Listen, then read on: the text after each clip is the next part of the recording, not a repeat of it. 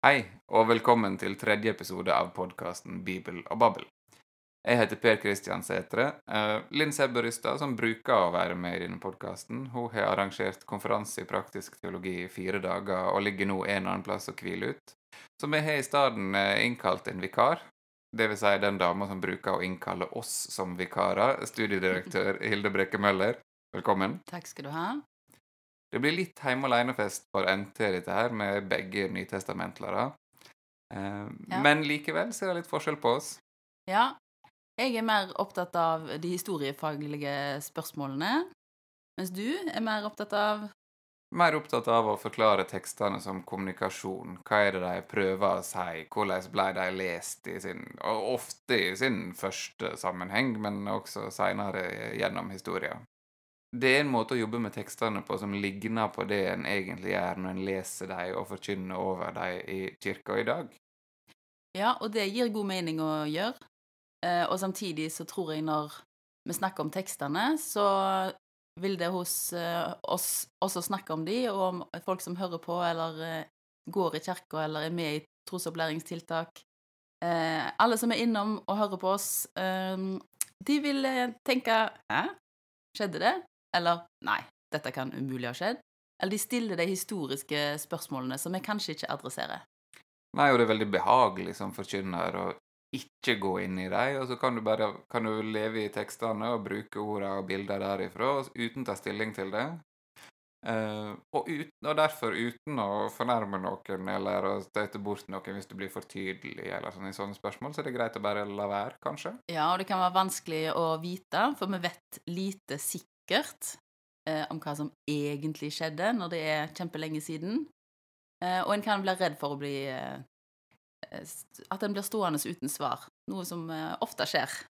Jeg har jobba historiefaglig med dette, her, så er det, ja. så er det en kjensgjerning at vi har ganske få kilder. Og det vil jeg merke i dag òg, når vi skal snakke sammen, at eh, vi har noen forslag, eller prøver å, å, tenke ut noen tanker, uten at vi nødvendigvis har eh, konklusjonen på hva som egentlig skjedde. Ja, det var gøy hvis vi hadde det, da. Det har vært fantastisk.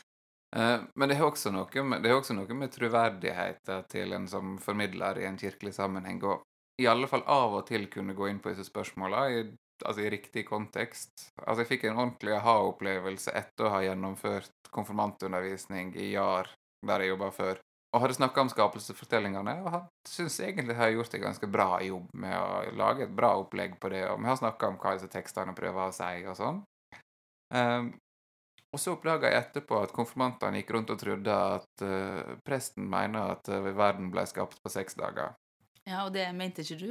Det mente ikke jeg, Nei. men jeg har glemt å si akkurat det. Mm. For det var ikke så viktig. og jeg tenkte at Det, lå, det er bare en forutsetning. og det går, Hadde jeg gått ut ifra at folk bare skjønte, ja.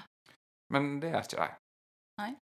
Så det å av og til kunne formulere posisjonen sin, sånn at den blir lettere å tolke Ja, og at en kan åpne for å snakke om eh, de spørsmålene som, eh, som folk sitter med når de hører fortellingen, som kan være historiske spørsmål, ikke bare teologiske spørsmål eller fortellingsnivå-spørsmål. Mm. Så det skal vi gjøre i dag. Mm. Vi skal jobbe med gå inn på noen av de spørsmålene som er knytta til fødselsfortellingene i Det nye testamentet. Det mange tenker på som juleevangeliet. Ja, men juleevangeliet, strengt tatt, det er det som står i Lukas 2, 1-20. Det er den vi leser på julaften. Eh, men det er klart at eh, de bildene vi har i hodet, eller alle julesangene som vi hører på radioen, eller som vi synger sjøl, eh, de har med elementer fra Matteus-fortellingen. Du må til Matteus for å finne stjerner og for å finne vismennene. Og i Matteus finnes det òg en eh, flukt til Egypt, eh, som vi sjelden synger om, men som eh, kanskje blir mer og mer aktuelt å snakke om i kirkene, dessverre, nå for tida. Absolutt. Jeg tror i tekstboka så snakker han om flukta til Egypt tredje hvert år eller noe sånt på søndag i romjula. Altså det er ganske sjelden den kommer opp. Sjelden den må komme opp. Ja. Mm.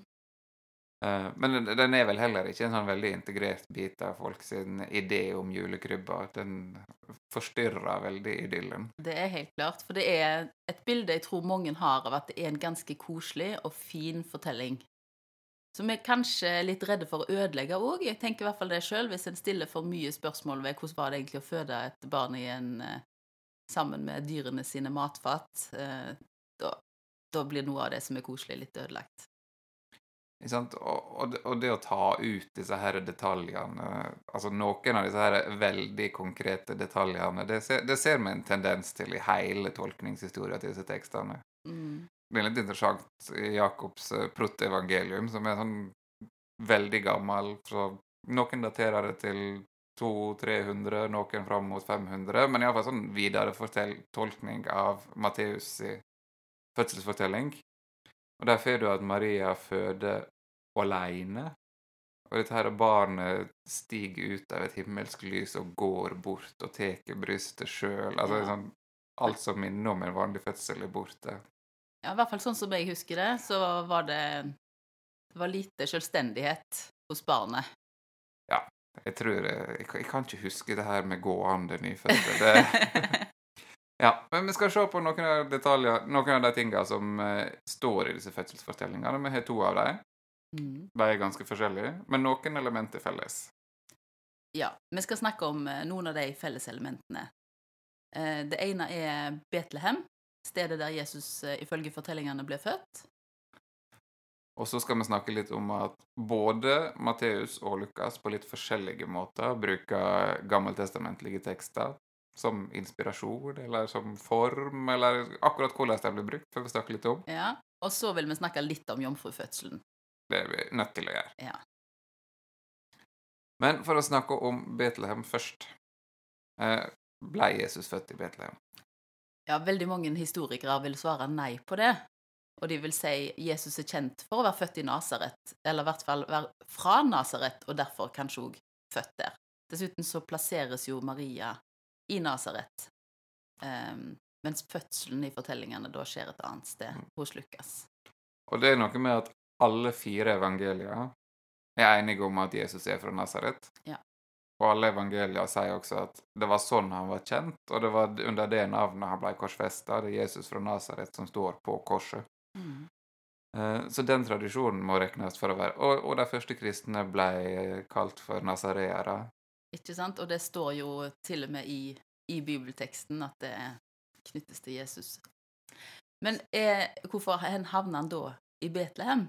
Og hvorfor må han bli født der? I, Nei, altså Mange har nå sagt at det er på grunn av denne profetien i Mika 5 om at å, du Betlehem, den, du er ikke den ringeste blant ættene i Juda. Du, du- du er den ringeste, står det på hebraisk, og så skjer det ting med oversettelsen til gresk.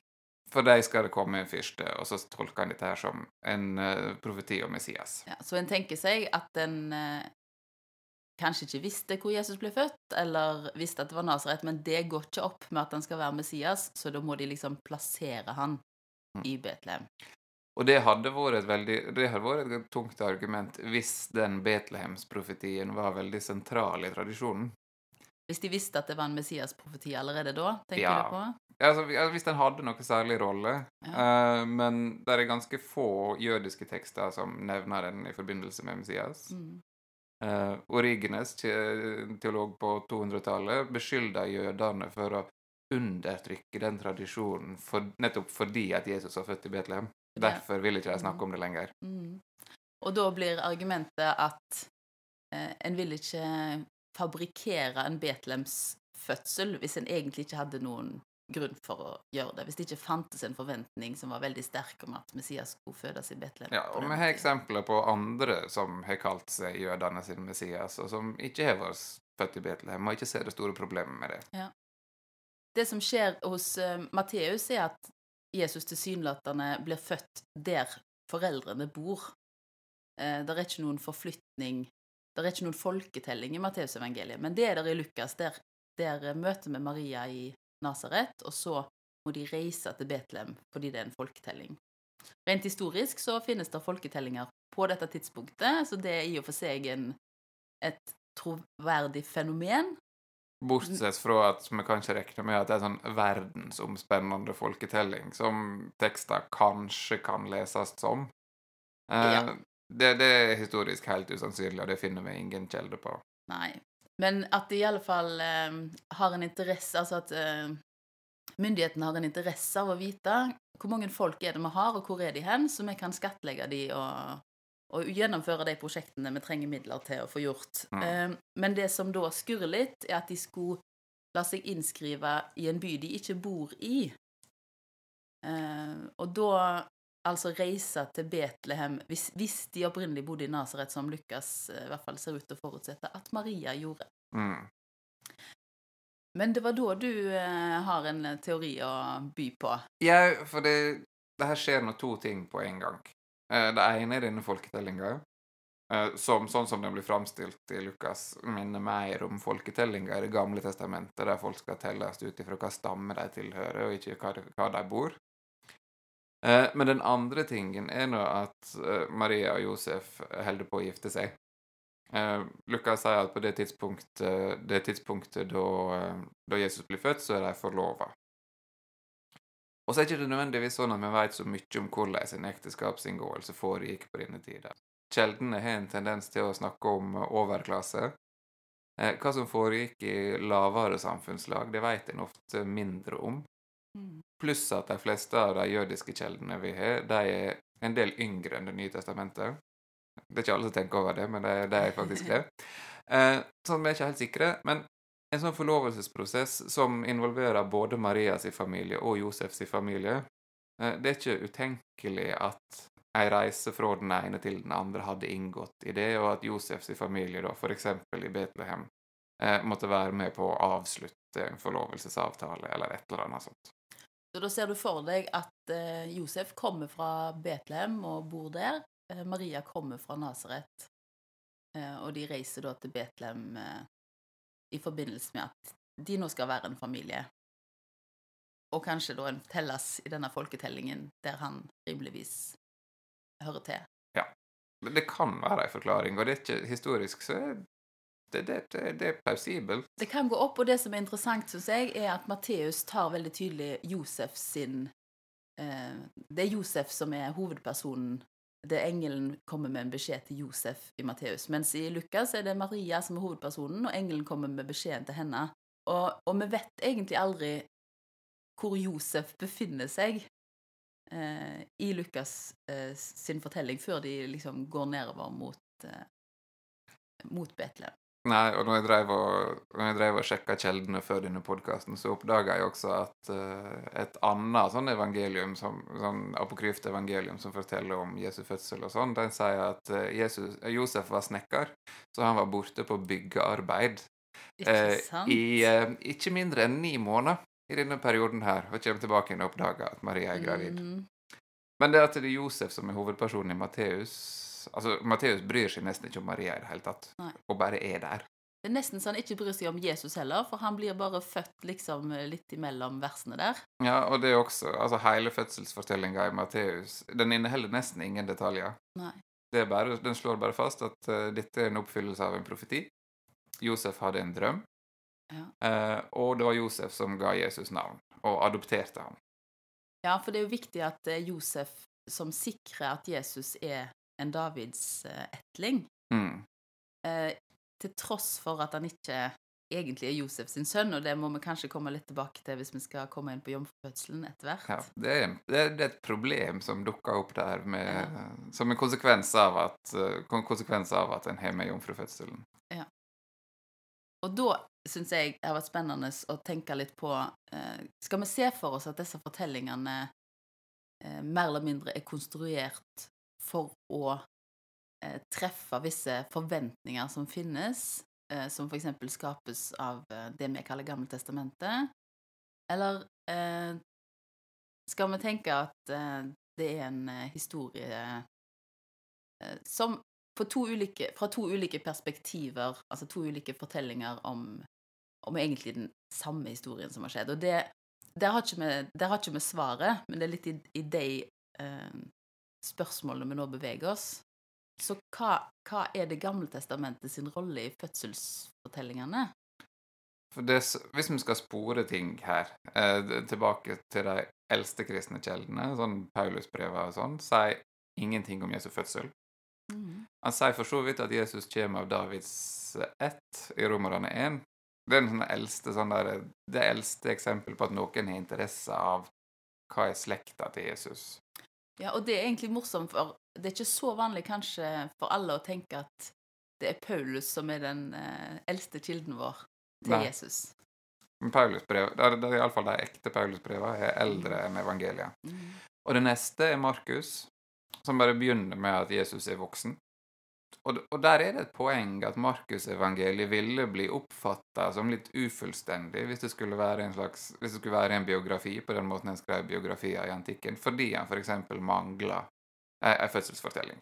Ja, En vil forvente å vite noe om helten, hvor han kommer fra, eller Skal ha, skal ha med et eller annet Ja, som, sier noe, som sier noe om denne personen, som karakteriserer den. mm. Eh, og så kommer Matteus og Lukas litt seinere enn Markus, bygger til dels på Markus. Og der dukker det opp to fødselsfortellinger, Mm. eh, som begge handler om at Jesus er født i Betlehem. Og i tillegg så bruker de da enormt mye gammeltestamentlig stoff. Begge to gjør det. Begge gjør det, på litt forskjellig måte. Mm. Eh, Matteus har den tendensen til å skrive inn sitat fra profetiene, og så ha denne formelen 'Dette skjedde for at det skulle bli oppfylt, det som er talt ved profeten'. Ja, og Derfor kan en få litt inntrykk av at i Matteus er en ekstra opptatt av Det gamle testamentet. Ja. Og det er jo litt lettere kanskje å spore og bla seg, bla seg eh, til de tekstene det gjelder, og kikke litt ekstra på dem. Og det er et poeng at Matteus har ti, sånn, ti sånne 'Dette skjedde fordi at uh, profetien skulle bli oppfylt', sitat. Uh, og halvparten av dem kommer her på begynnelsen av evangeliet. Så de kommer veldig tett. Det virker som det har vært veldig viktig da å få sagt denne gutten som ble født, det er ingen hvem som helst. Eh, og Går du til Lukas, så har ikke du noen sånne eksplisitte sitat, men der har du likevel en hel masse tekster som lever i bakgrunnen og er med å forklare hvem, forklare hvem disse personene er. Mm. Altså for, Leser vi Lukas 1 og 2, så kan en legge merke til at fortellinga om den gamle Elisabeth som ikke kan få barn, det minner om opptil flere kvinner i GT. Kanskje særlig Sara, siden på grunn av alderen. Ja, og- og Samuel-fortellingen. Samuel-fortellinga. Ja, for det at mora til Samuel, Hanna, eh, minner litt om Maria. Og Marias lovsang minner veldig om den lovsangen som Hanna eh, synger når hun får vite at eh, hun er gravid og at Samuel skal bli født. Mm. Så her er Det gamle testamentet veldig tydelig med. Mm. Eh, hvis en bare kjenner det Hvis en ikke kjenner til det, så vil en ikke bli gjort oppmerksom på det på den måten som hos Matteus. Nei, det er ikke så tydelig. Mm. Men, men altså disse karakterene, altså til og med navnene deres Zakaria er et prestenavn fra Det gamle testamentet. Mm. Eh, Der er bare ei Elisabeth i GT, og det er kona til Aron, den første øverste presten. Altså, der er så, der er så mange sånne. Ja. Eh, Sånn at det er fort gjort å tenke at her er så mye GT-stoff at disse tekstene er konstruert bare ut ifra dem. Ja, og jeg tror hvis du googler det, så vil du finne at noen påstår det.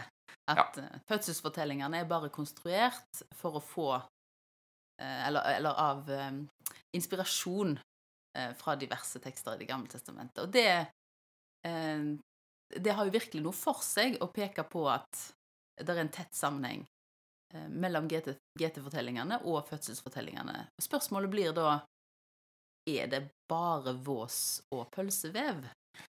Ikke sant? Men, men, da, men da det en da eksempel ikke tenker på, er at en i antikken hadde en ganske bevisst praksis på at når du skal skrive noe nytt, så skriver du det i den forma til en gammel tekst. Og hvis du får det til å ligne på et litterært ideal, så er det bra. Altså det å være nyskapende sånn, i, for, i form eh, Det er kanskje et ideal i, i våre dager, men det var det definitivt ikke den gangen. Et litt annet syn på plagiering, eh, kanskje? Eller? Ja, det skulle ligge nært opp til. Og hvis du kunne fortelle om en hendelse omtrent sånn som en brukte å fortelle om noe som lå langt tilbake, så, så var det bra. Så hvis du har en eh, noe du tenker er en historisk sannhet, så kan du rett og slett tjene på å beskrive den mer i retning av eh, en fortelling en kjenner fra før, enn å tviholde på noe av det som, som kanskje hørte til den historiske eh, situasjonen. Er, det, er du inne på nesten et sånt spor? Ja, egentlig så er, og, du, og du kan virke litt sånn.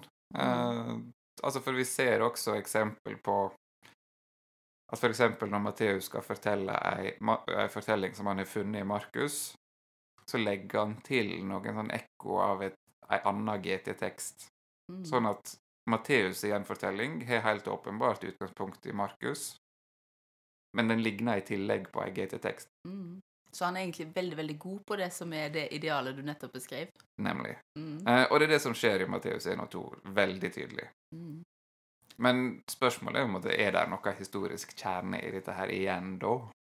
Det er nettopp det.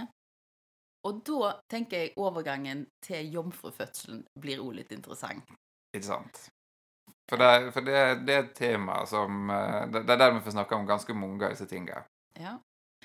Jeg hadde lyst til å kanskje først eh, eh, ta for meg det som står i Matteus, eh, da Josef finner ut Eller det, det, eh, kommer for en dag at Maria er gravid, og Josef vet at han er ikke faren. Og så står det at han, vil, han er en så ok fyr, så han vil gjerne bare skille seg fra henne i stillhet. Og det syns jeg høres litt eh, Det å bare skille seg fra henne i stillhet høres jo nesten ikke så greit ut, syns jeg. Eh, For da står hun der alene, og hun er fortsatt like gravid og har bare ikke en mann.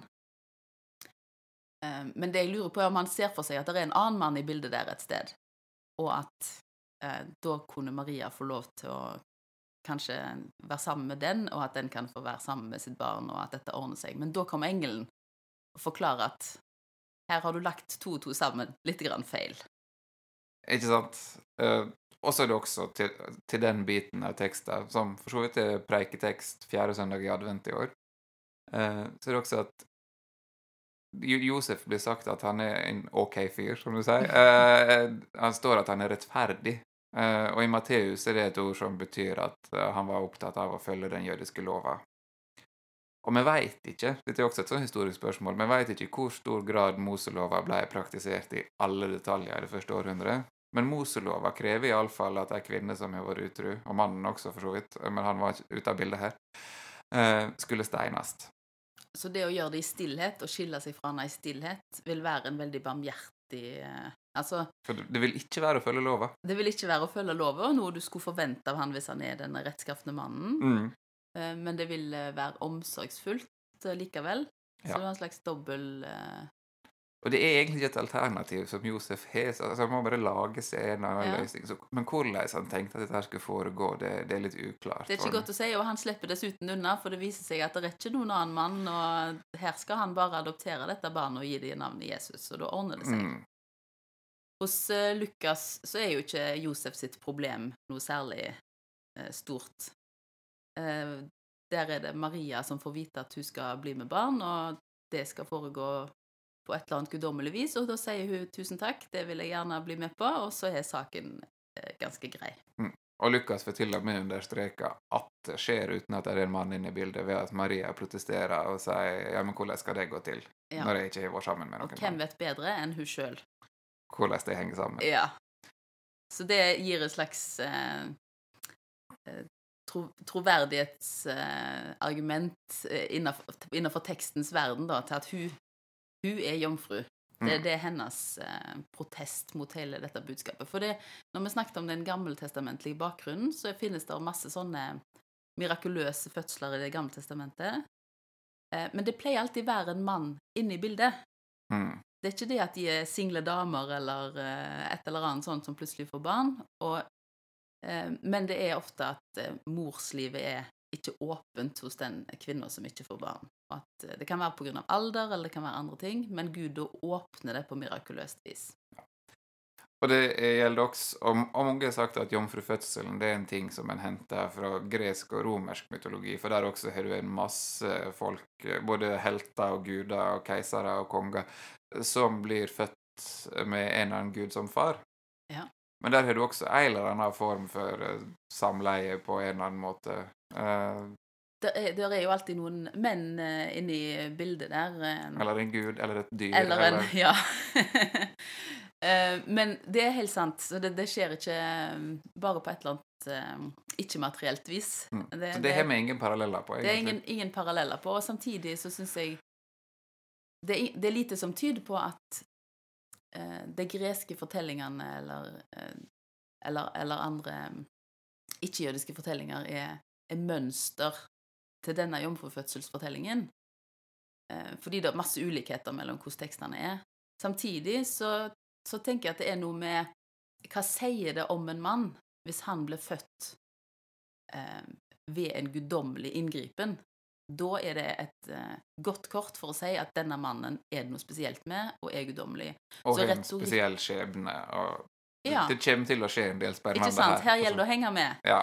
Så den der retorikken om at følg nå med, denne gutten er en spesiell gutt, eh, den finner du da i andre kilder også, som har ulike former for jomfrufødsel. eh, Og, og vi har det i evangeliet her. Så det vi sa i stad, at eh, Matteus knytter veldig eksplisitt an til profetiene i, i Det gamle testamentet, og gjør, gir det veldig tyngde til Det skjer jo virkelig òg eh, hos Lukas, eksempel ved det, eh, ved det at Jesus presenteres som en, en som fødes eh, på sånn overnaturlig vis. Men det rare er nå at den profetien som er viktigst for dette, nemlig Isaiah 7,14, å se ei jomfru skal bli med barn, og hun skal føde en sønn og gi ham navnet Immanuel, er nå i utgangspunktet ikke en profeti som handler om Messias. Ja. Og dette er jo et sammensurium av ting å holde i hodet på en gang. Kan Mm. du si litt mer? Jo, for den teksten som Matteus bruker, og det er nesten det aller viktigste Matteus sier om Jesu fødsel, er nemlig at, at det er en oppfyllelse av akkurat den profetien. Det er en profeti som er en del av ei fortelling, som handler om noe helt annet, og, og det barnet som i utgangspunktet handler om i Jesaja 7, det blir sannsynligvis født i løpet av den fortellinga der. Mm. Eh, Så det er egentlig ei lukka fortelling, og ikke sånn se i framtida, en gang skal det skje. Altså verken fortellingen gir uttrykk for å snakke om en, en tid som skal være eh, mange hundre år eh, seinere, og det ble heller ikke fortolka sånn, eller? Nei, det, vi, har, vi har vel ikke funnet noen eksempel på det. Ikke før Matteus kommer inn og gjør det. Nei, ikke sant. Og så er det også det, også det at eh, på hebraisk så står det ikke jomfru, der står det et ord som betyr ung kvinne. Og så, når det blir oversatt til gresk på et eller annet tidspunkt, eh, så kommer kanskje et ord i jomfru inn. Og Matteus forholder seg kanskje til en kultur der han kjenner den greske oversettelsen, eller hva tenker du? Eh, I all hovedsak så er det den han bruker. Mm. Han skriver jo gresk sjøl òg, så det er ikke så rart. rart. Han gjør ikke all oversettelsesjobben sjøl, så det kan en ha en viss sympati med. Ja. Men likevel da, så er det den teksten han velger ut for å forklare uh, denne jomfrufødselen. Og hadde han gjort det ut av Altså, er det godt nok tekstgrunnlag for å lage ideen om en jomfrufødsel når den ikke handler om Messias, og ikke nødvendigvis formelt er en profeti engang? Altså, det er et eller annet rart der. Jeg opplever du har et, kjører et argument nå som sier de trenger ikke at Jesus er født av en jomfru. Nei. Det ligger ikke en sterk forventning i tradisjonen at Messias skal være det. Hvorfor har det da dukka opp? Altså den eh, argumentet eller eh, støtten som en finner i Jesaja, ser ut til å ha kommet etter ideen om jomfrufødselen. Eh, Så, så på, på en eller annen måte så Nærmer du deg et forsvar av at jomfrufødselen har funnet sted, eller? Iallfall at en, i alle fall at en har meint det hele veien. Mm. Uh, at, at det ligger en ganske tidlig kristen tradisjon om det. Ja. Eh, men samtidig, som et argument mot det, er nå at jomfrufødselen er nå borte fra resten av NT. Og det er jo ikke til å komme fra at jomfrufødsler skjer jo praktisk talt aldri. Nei. Så når du er på et historisk nivå og jobber som en historiker, eh, så går ikke det å komme med og, og si at jomfrufødselen er et historisk faktum, fordi det har ingen parallell fra vår egen virkelighet. Og derfor finnes det per definisjon ikke som et fenomen vi kan regne med. Eh, Men, eh, men på tekstnivå blir dette annerledes. Ja. Og, og, det samme, og det samme vil nå for så vidt gjelde for Jesu oppstandelse. Ikke? Absolutt. Ja. Det vil en ikke snakke om heller. Nei, Normalt sett. Det finnes unntak. det det finnes unntak. Og da har en på en måte to fortellinger først og sist om Jesus. Den ene knytta til fødselen, og den andre knytta til Jesu død. Eh, Du har jo oppstandelsen og jomfrufødselen, som begge forteller om en guddommelig inngripen, som forteller om at Jesus er spesiell, har et spesielt forhold til Gud, Eh, og som veldig tydelig sier noe om hvem han er. Ja, og begge knytter seg til helt klare historiske hendelser. Eh, men har de elementene med seg, det overnaturlige. Mm. Og det er jo veldig enkelt, eller ønskelig, hvis en har lyst til å drive religionskritikk, og, og ta tak i akkurat disse overnaturlige, hvis en kan kalle det, eller gudsinngripen-hendelsene.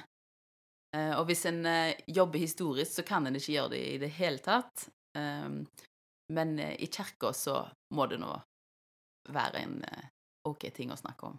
Da gjør en det på en annen måte. Men hvor skal en snakke om det? Ja, for jeg tenker, du kan ikke begynne å stille disse spørsmåla her.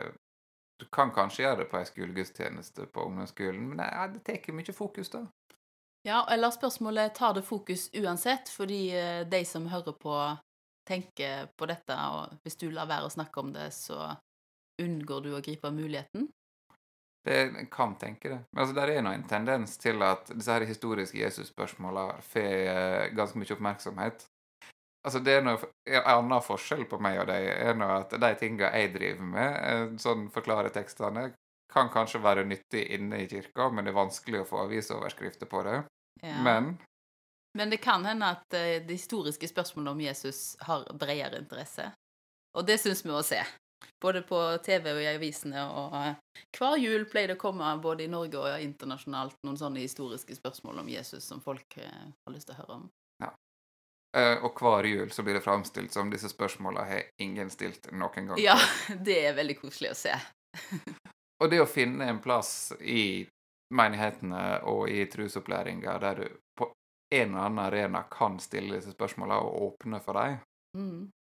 Og det kan hende gudstjenesten ikke er stedet, for da får du ikke snakket sammen. Og jeg tror det å, å snakke sammen og åpne for å eh, la folk tenke tankene helt ut sammen, er mye mer fruktbart enn at en tar de med seg hjem, og så kanskje gjør noe med det, eller kanskje ikke. Så da er oppfordringa vår ikke snakk om dette på julaften. Ikke nødvendigvis. Ikke nødvendigvis. Eh, men finn for all del en arena der både voksne og unge kan snakke sammen om disse temaene. Ja, og da vil vi ønske lykke til, for det er ikke lett, men det er veldig gøy. Og da sier vi Takk god jul. til god siste episode. Neste, siste episode dette året. Neste kommer på nyåret, og da håper vi at Linn er tilbake. Ja. Takk for oss. Takk for oss.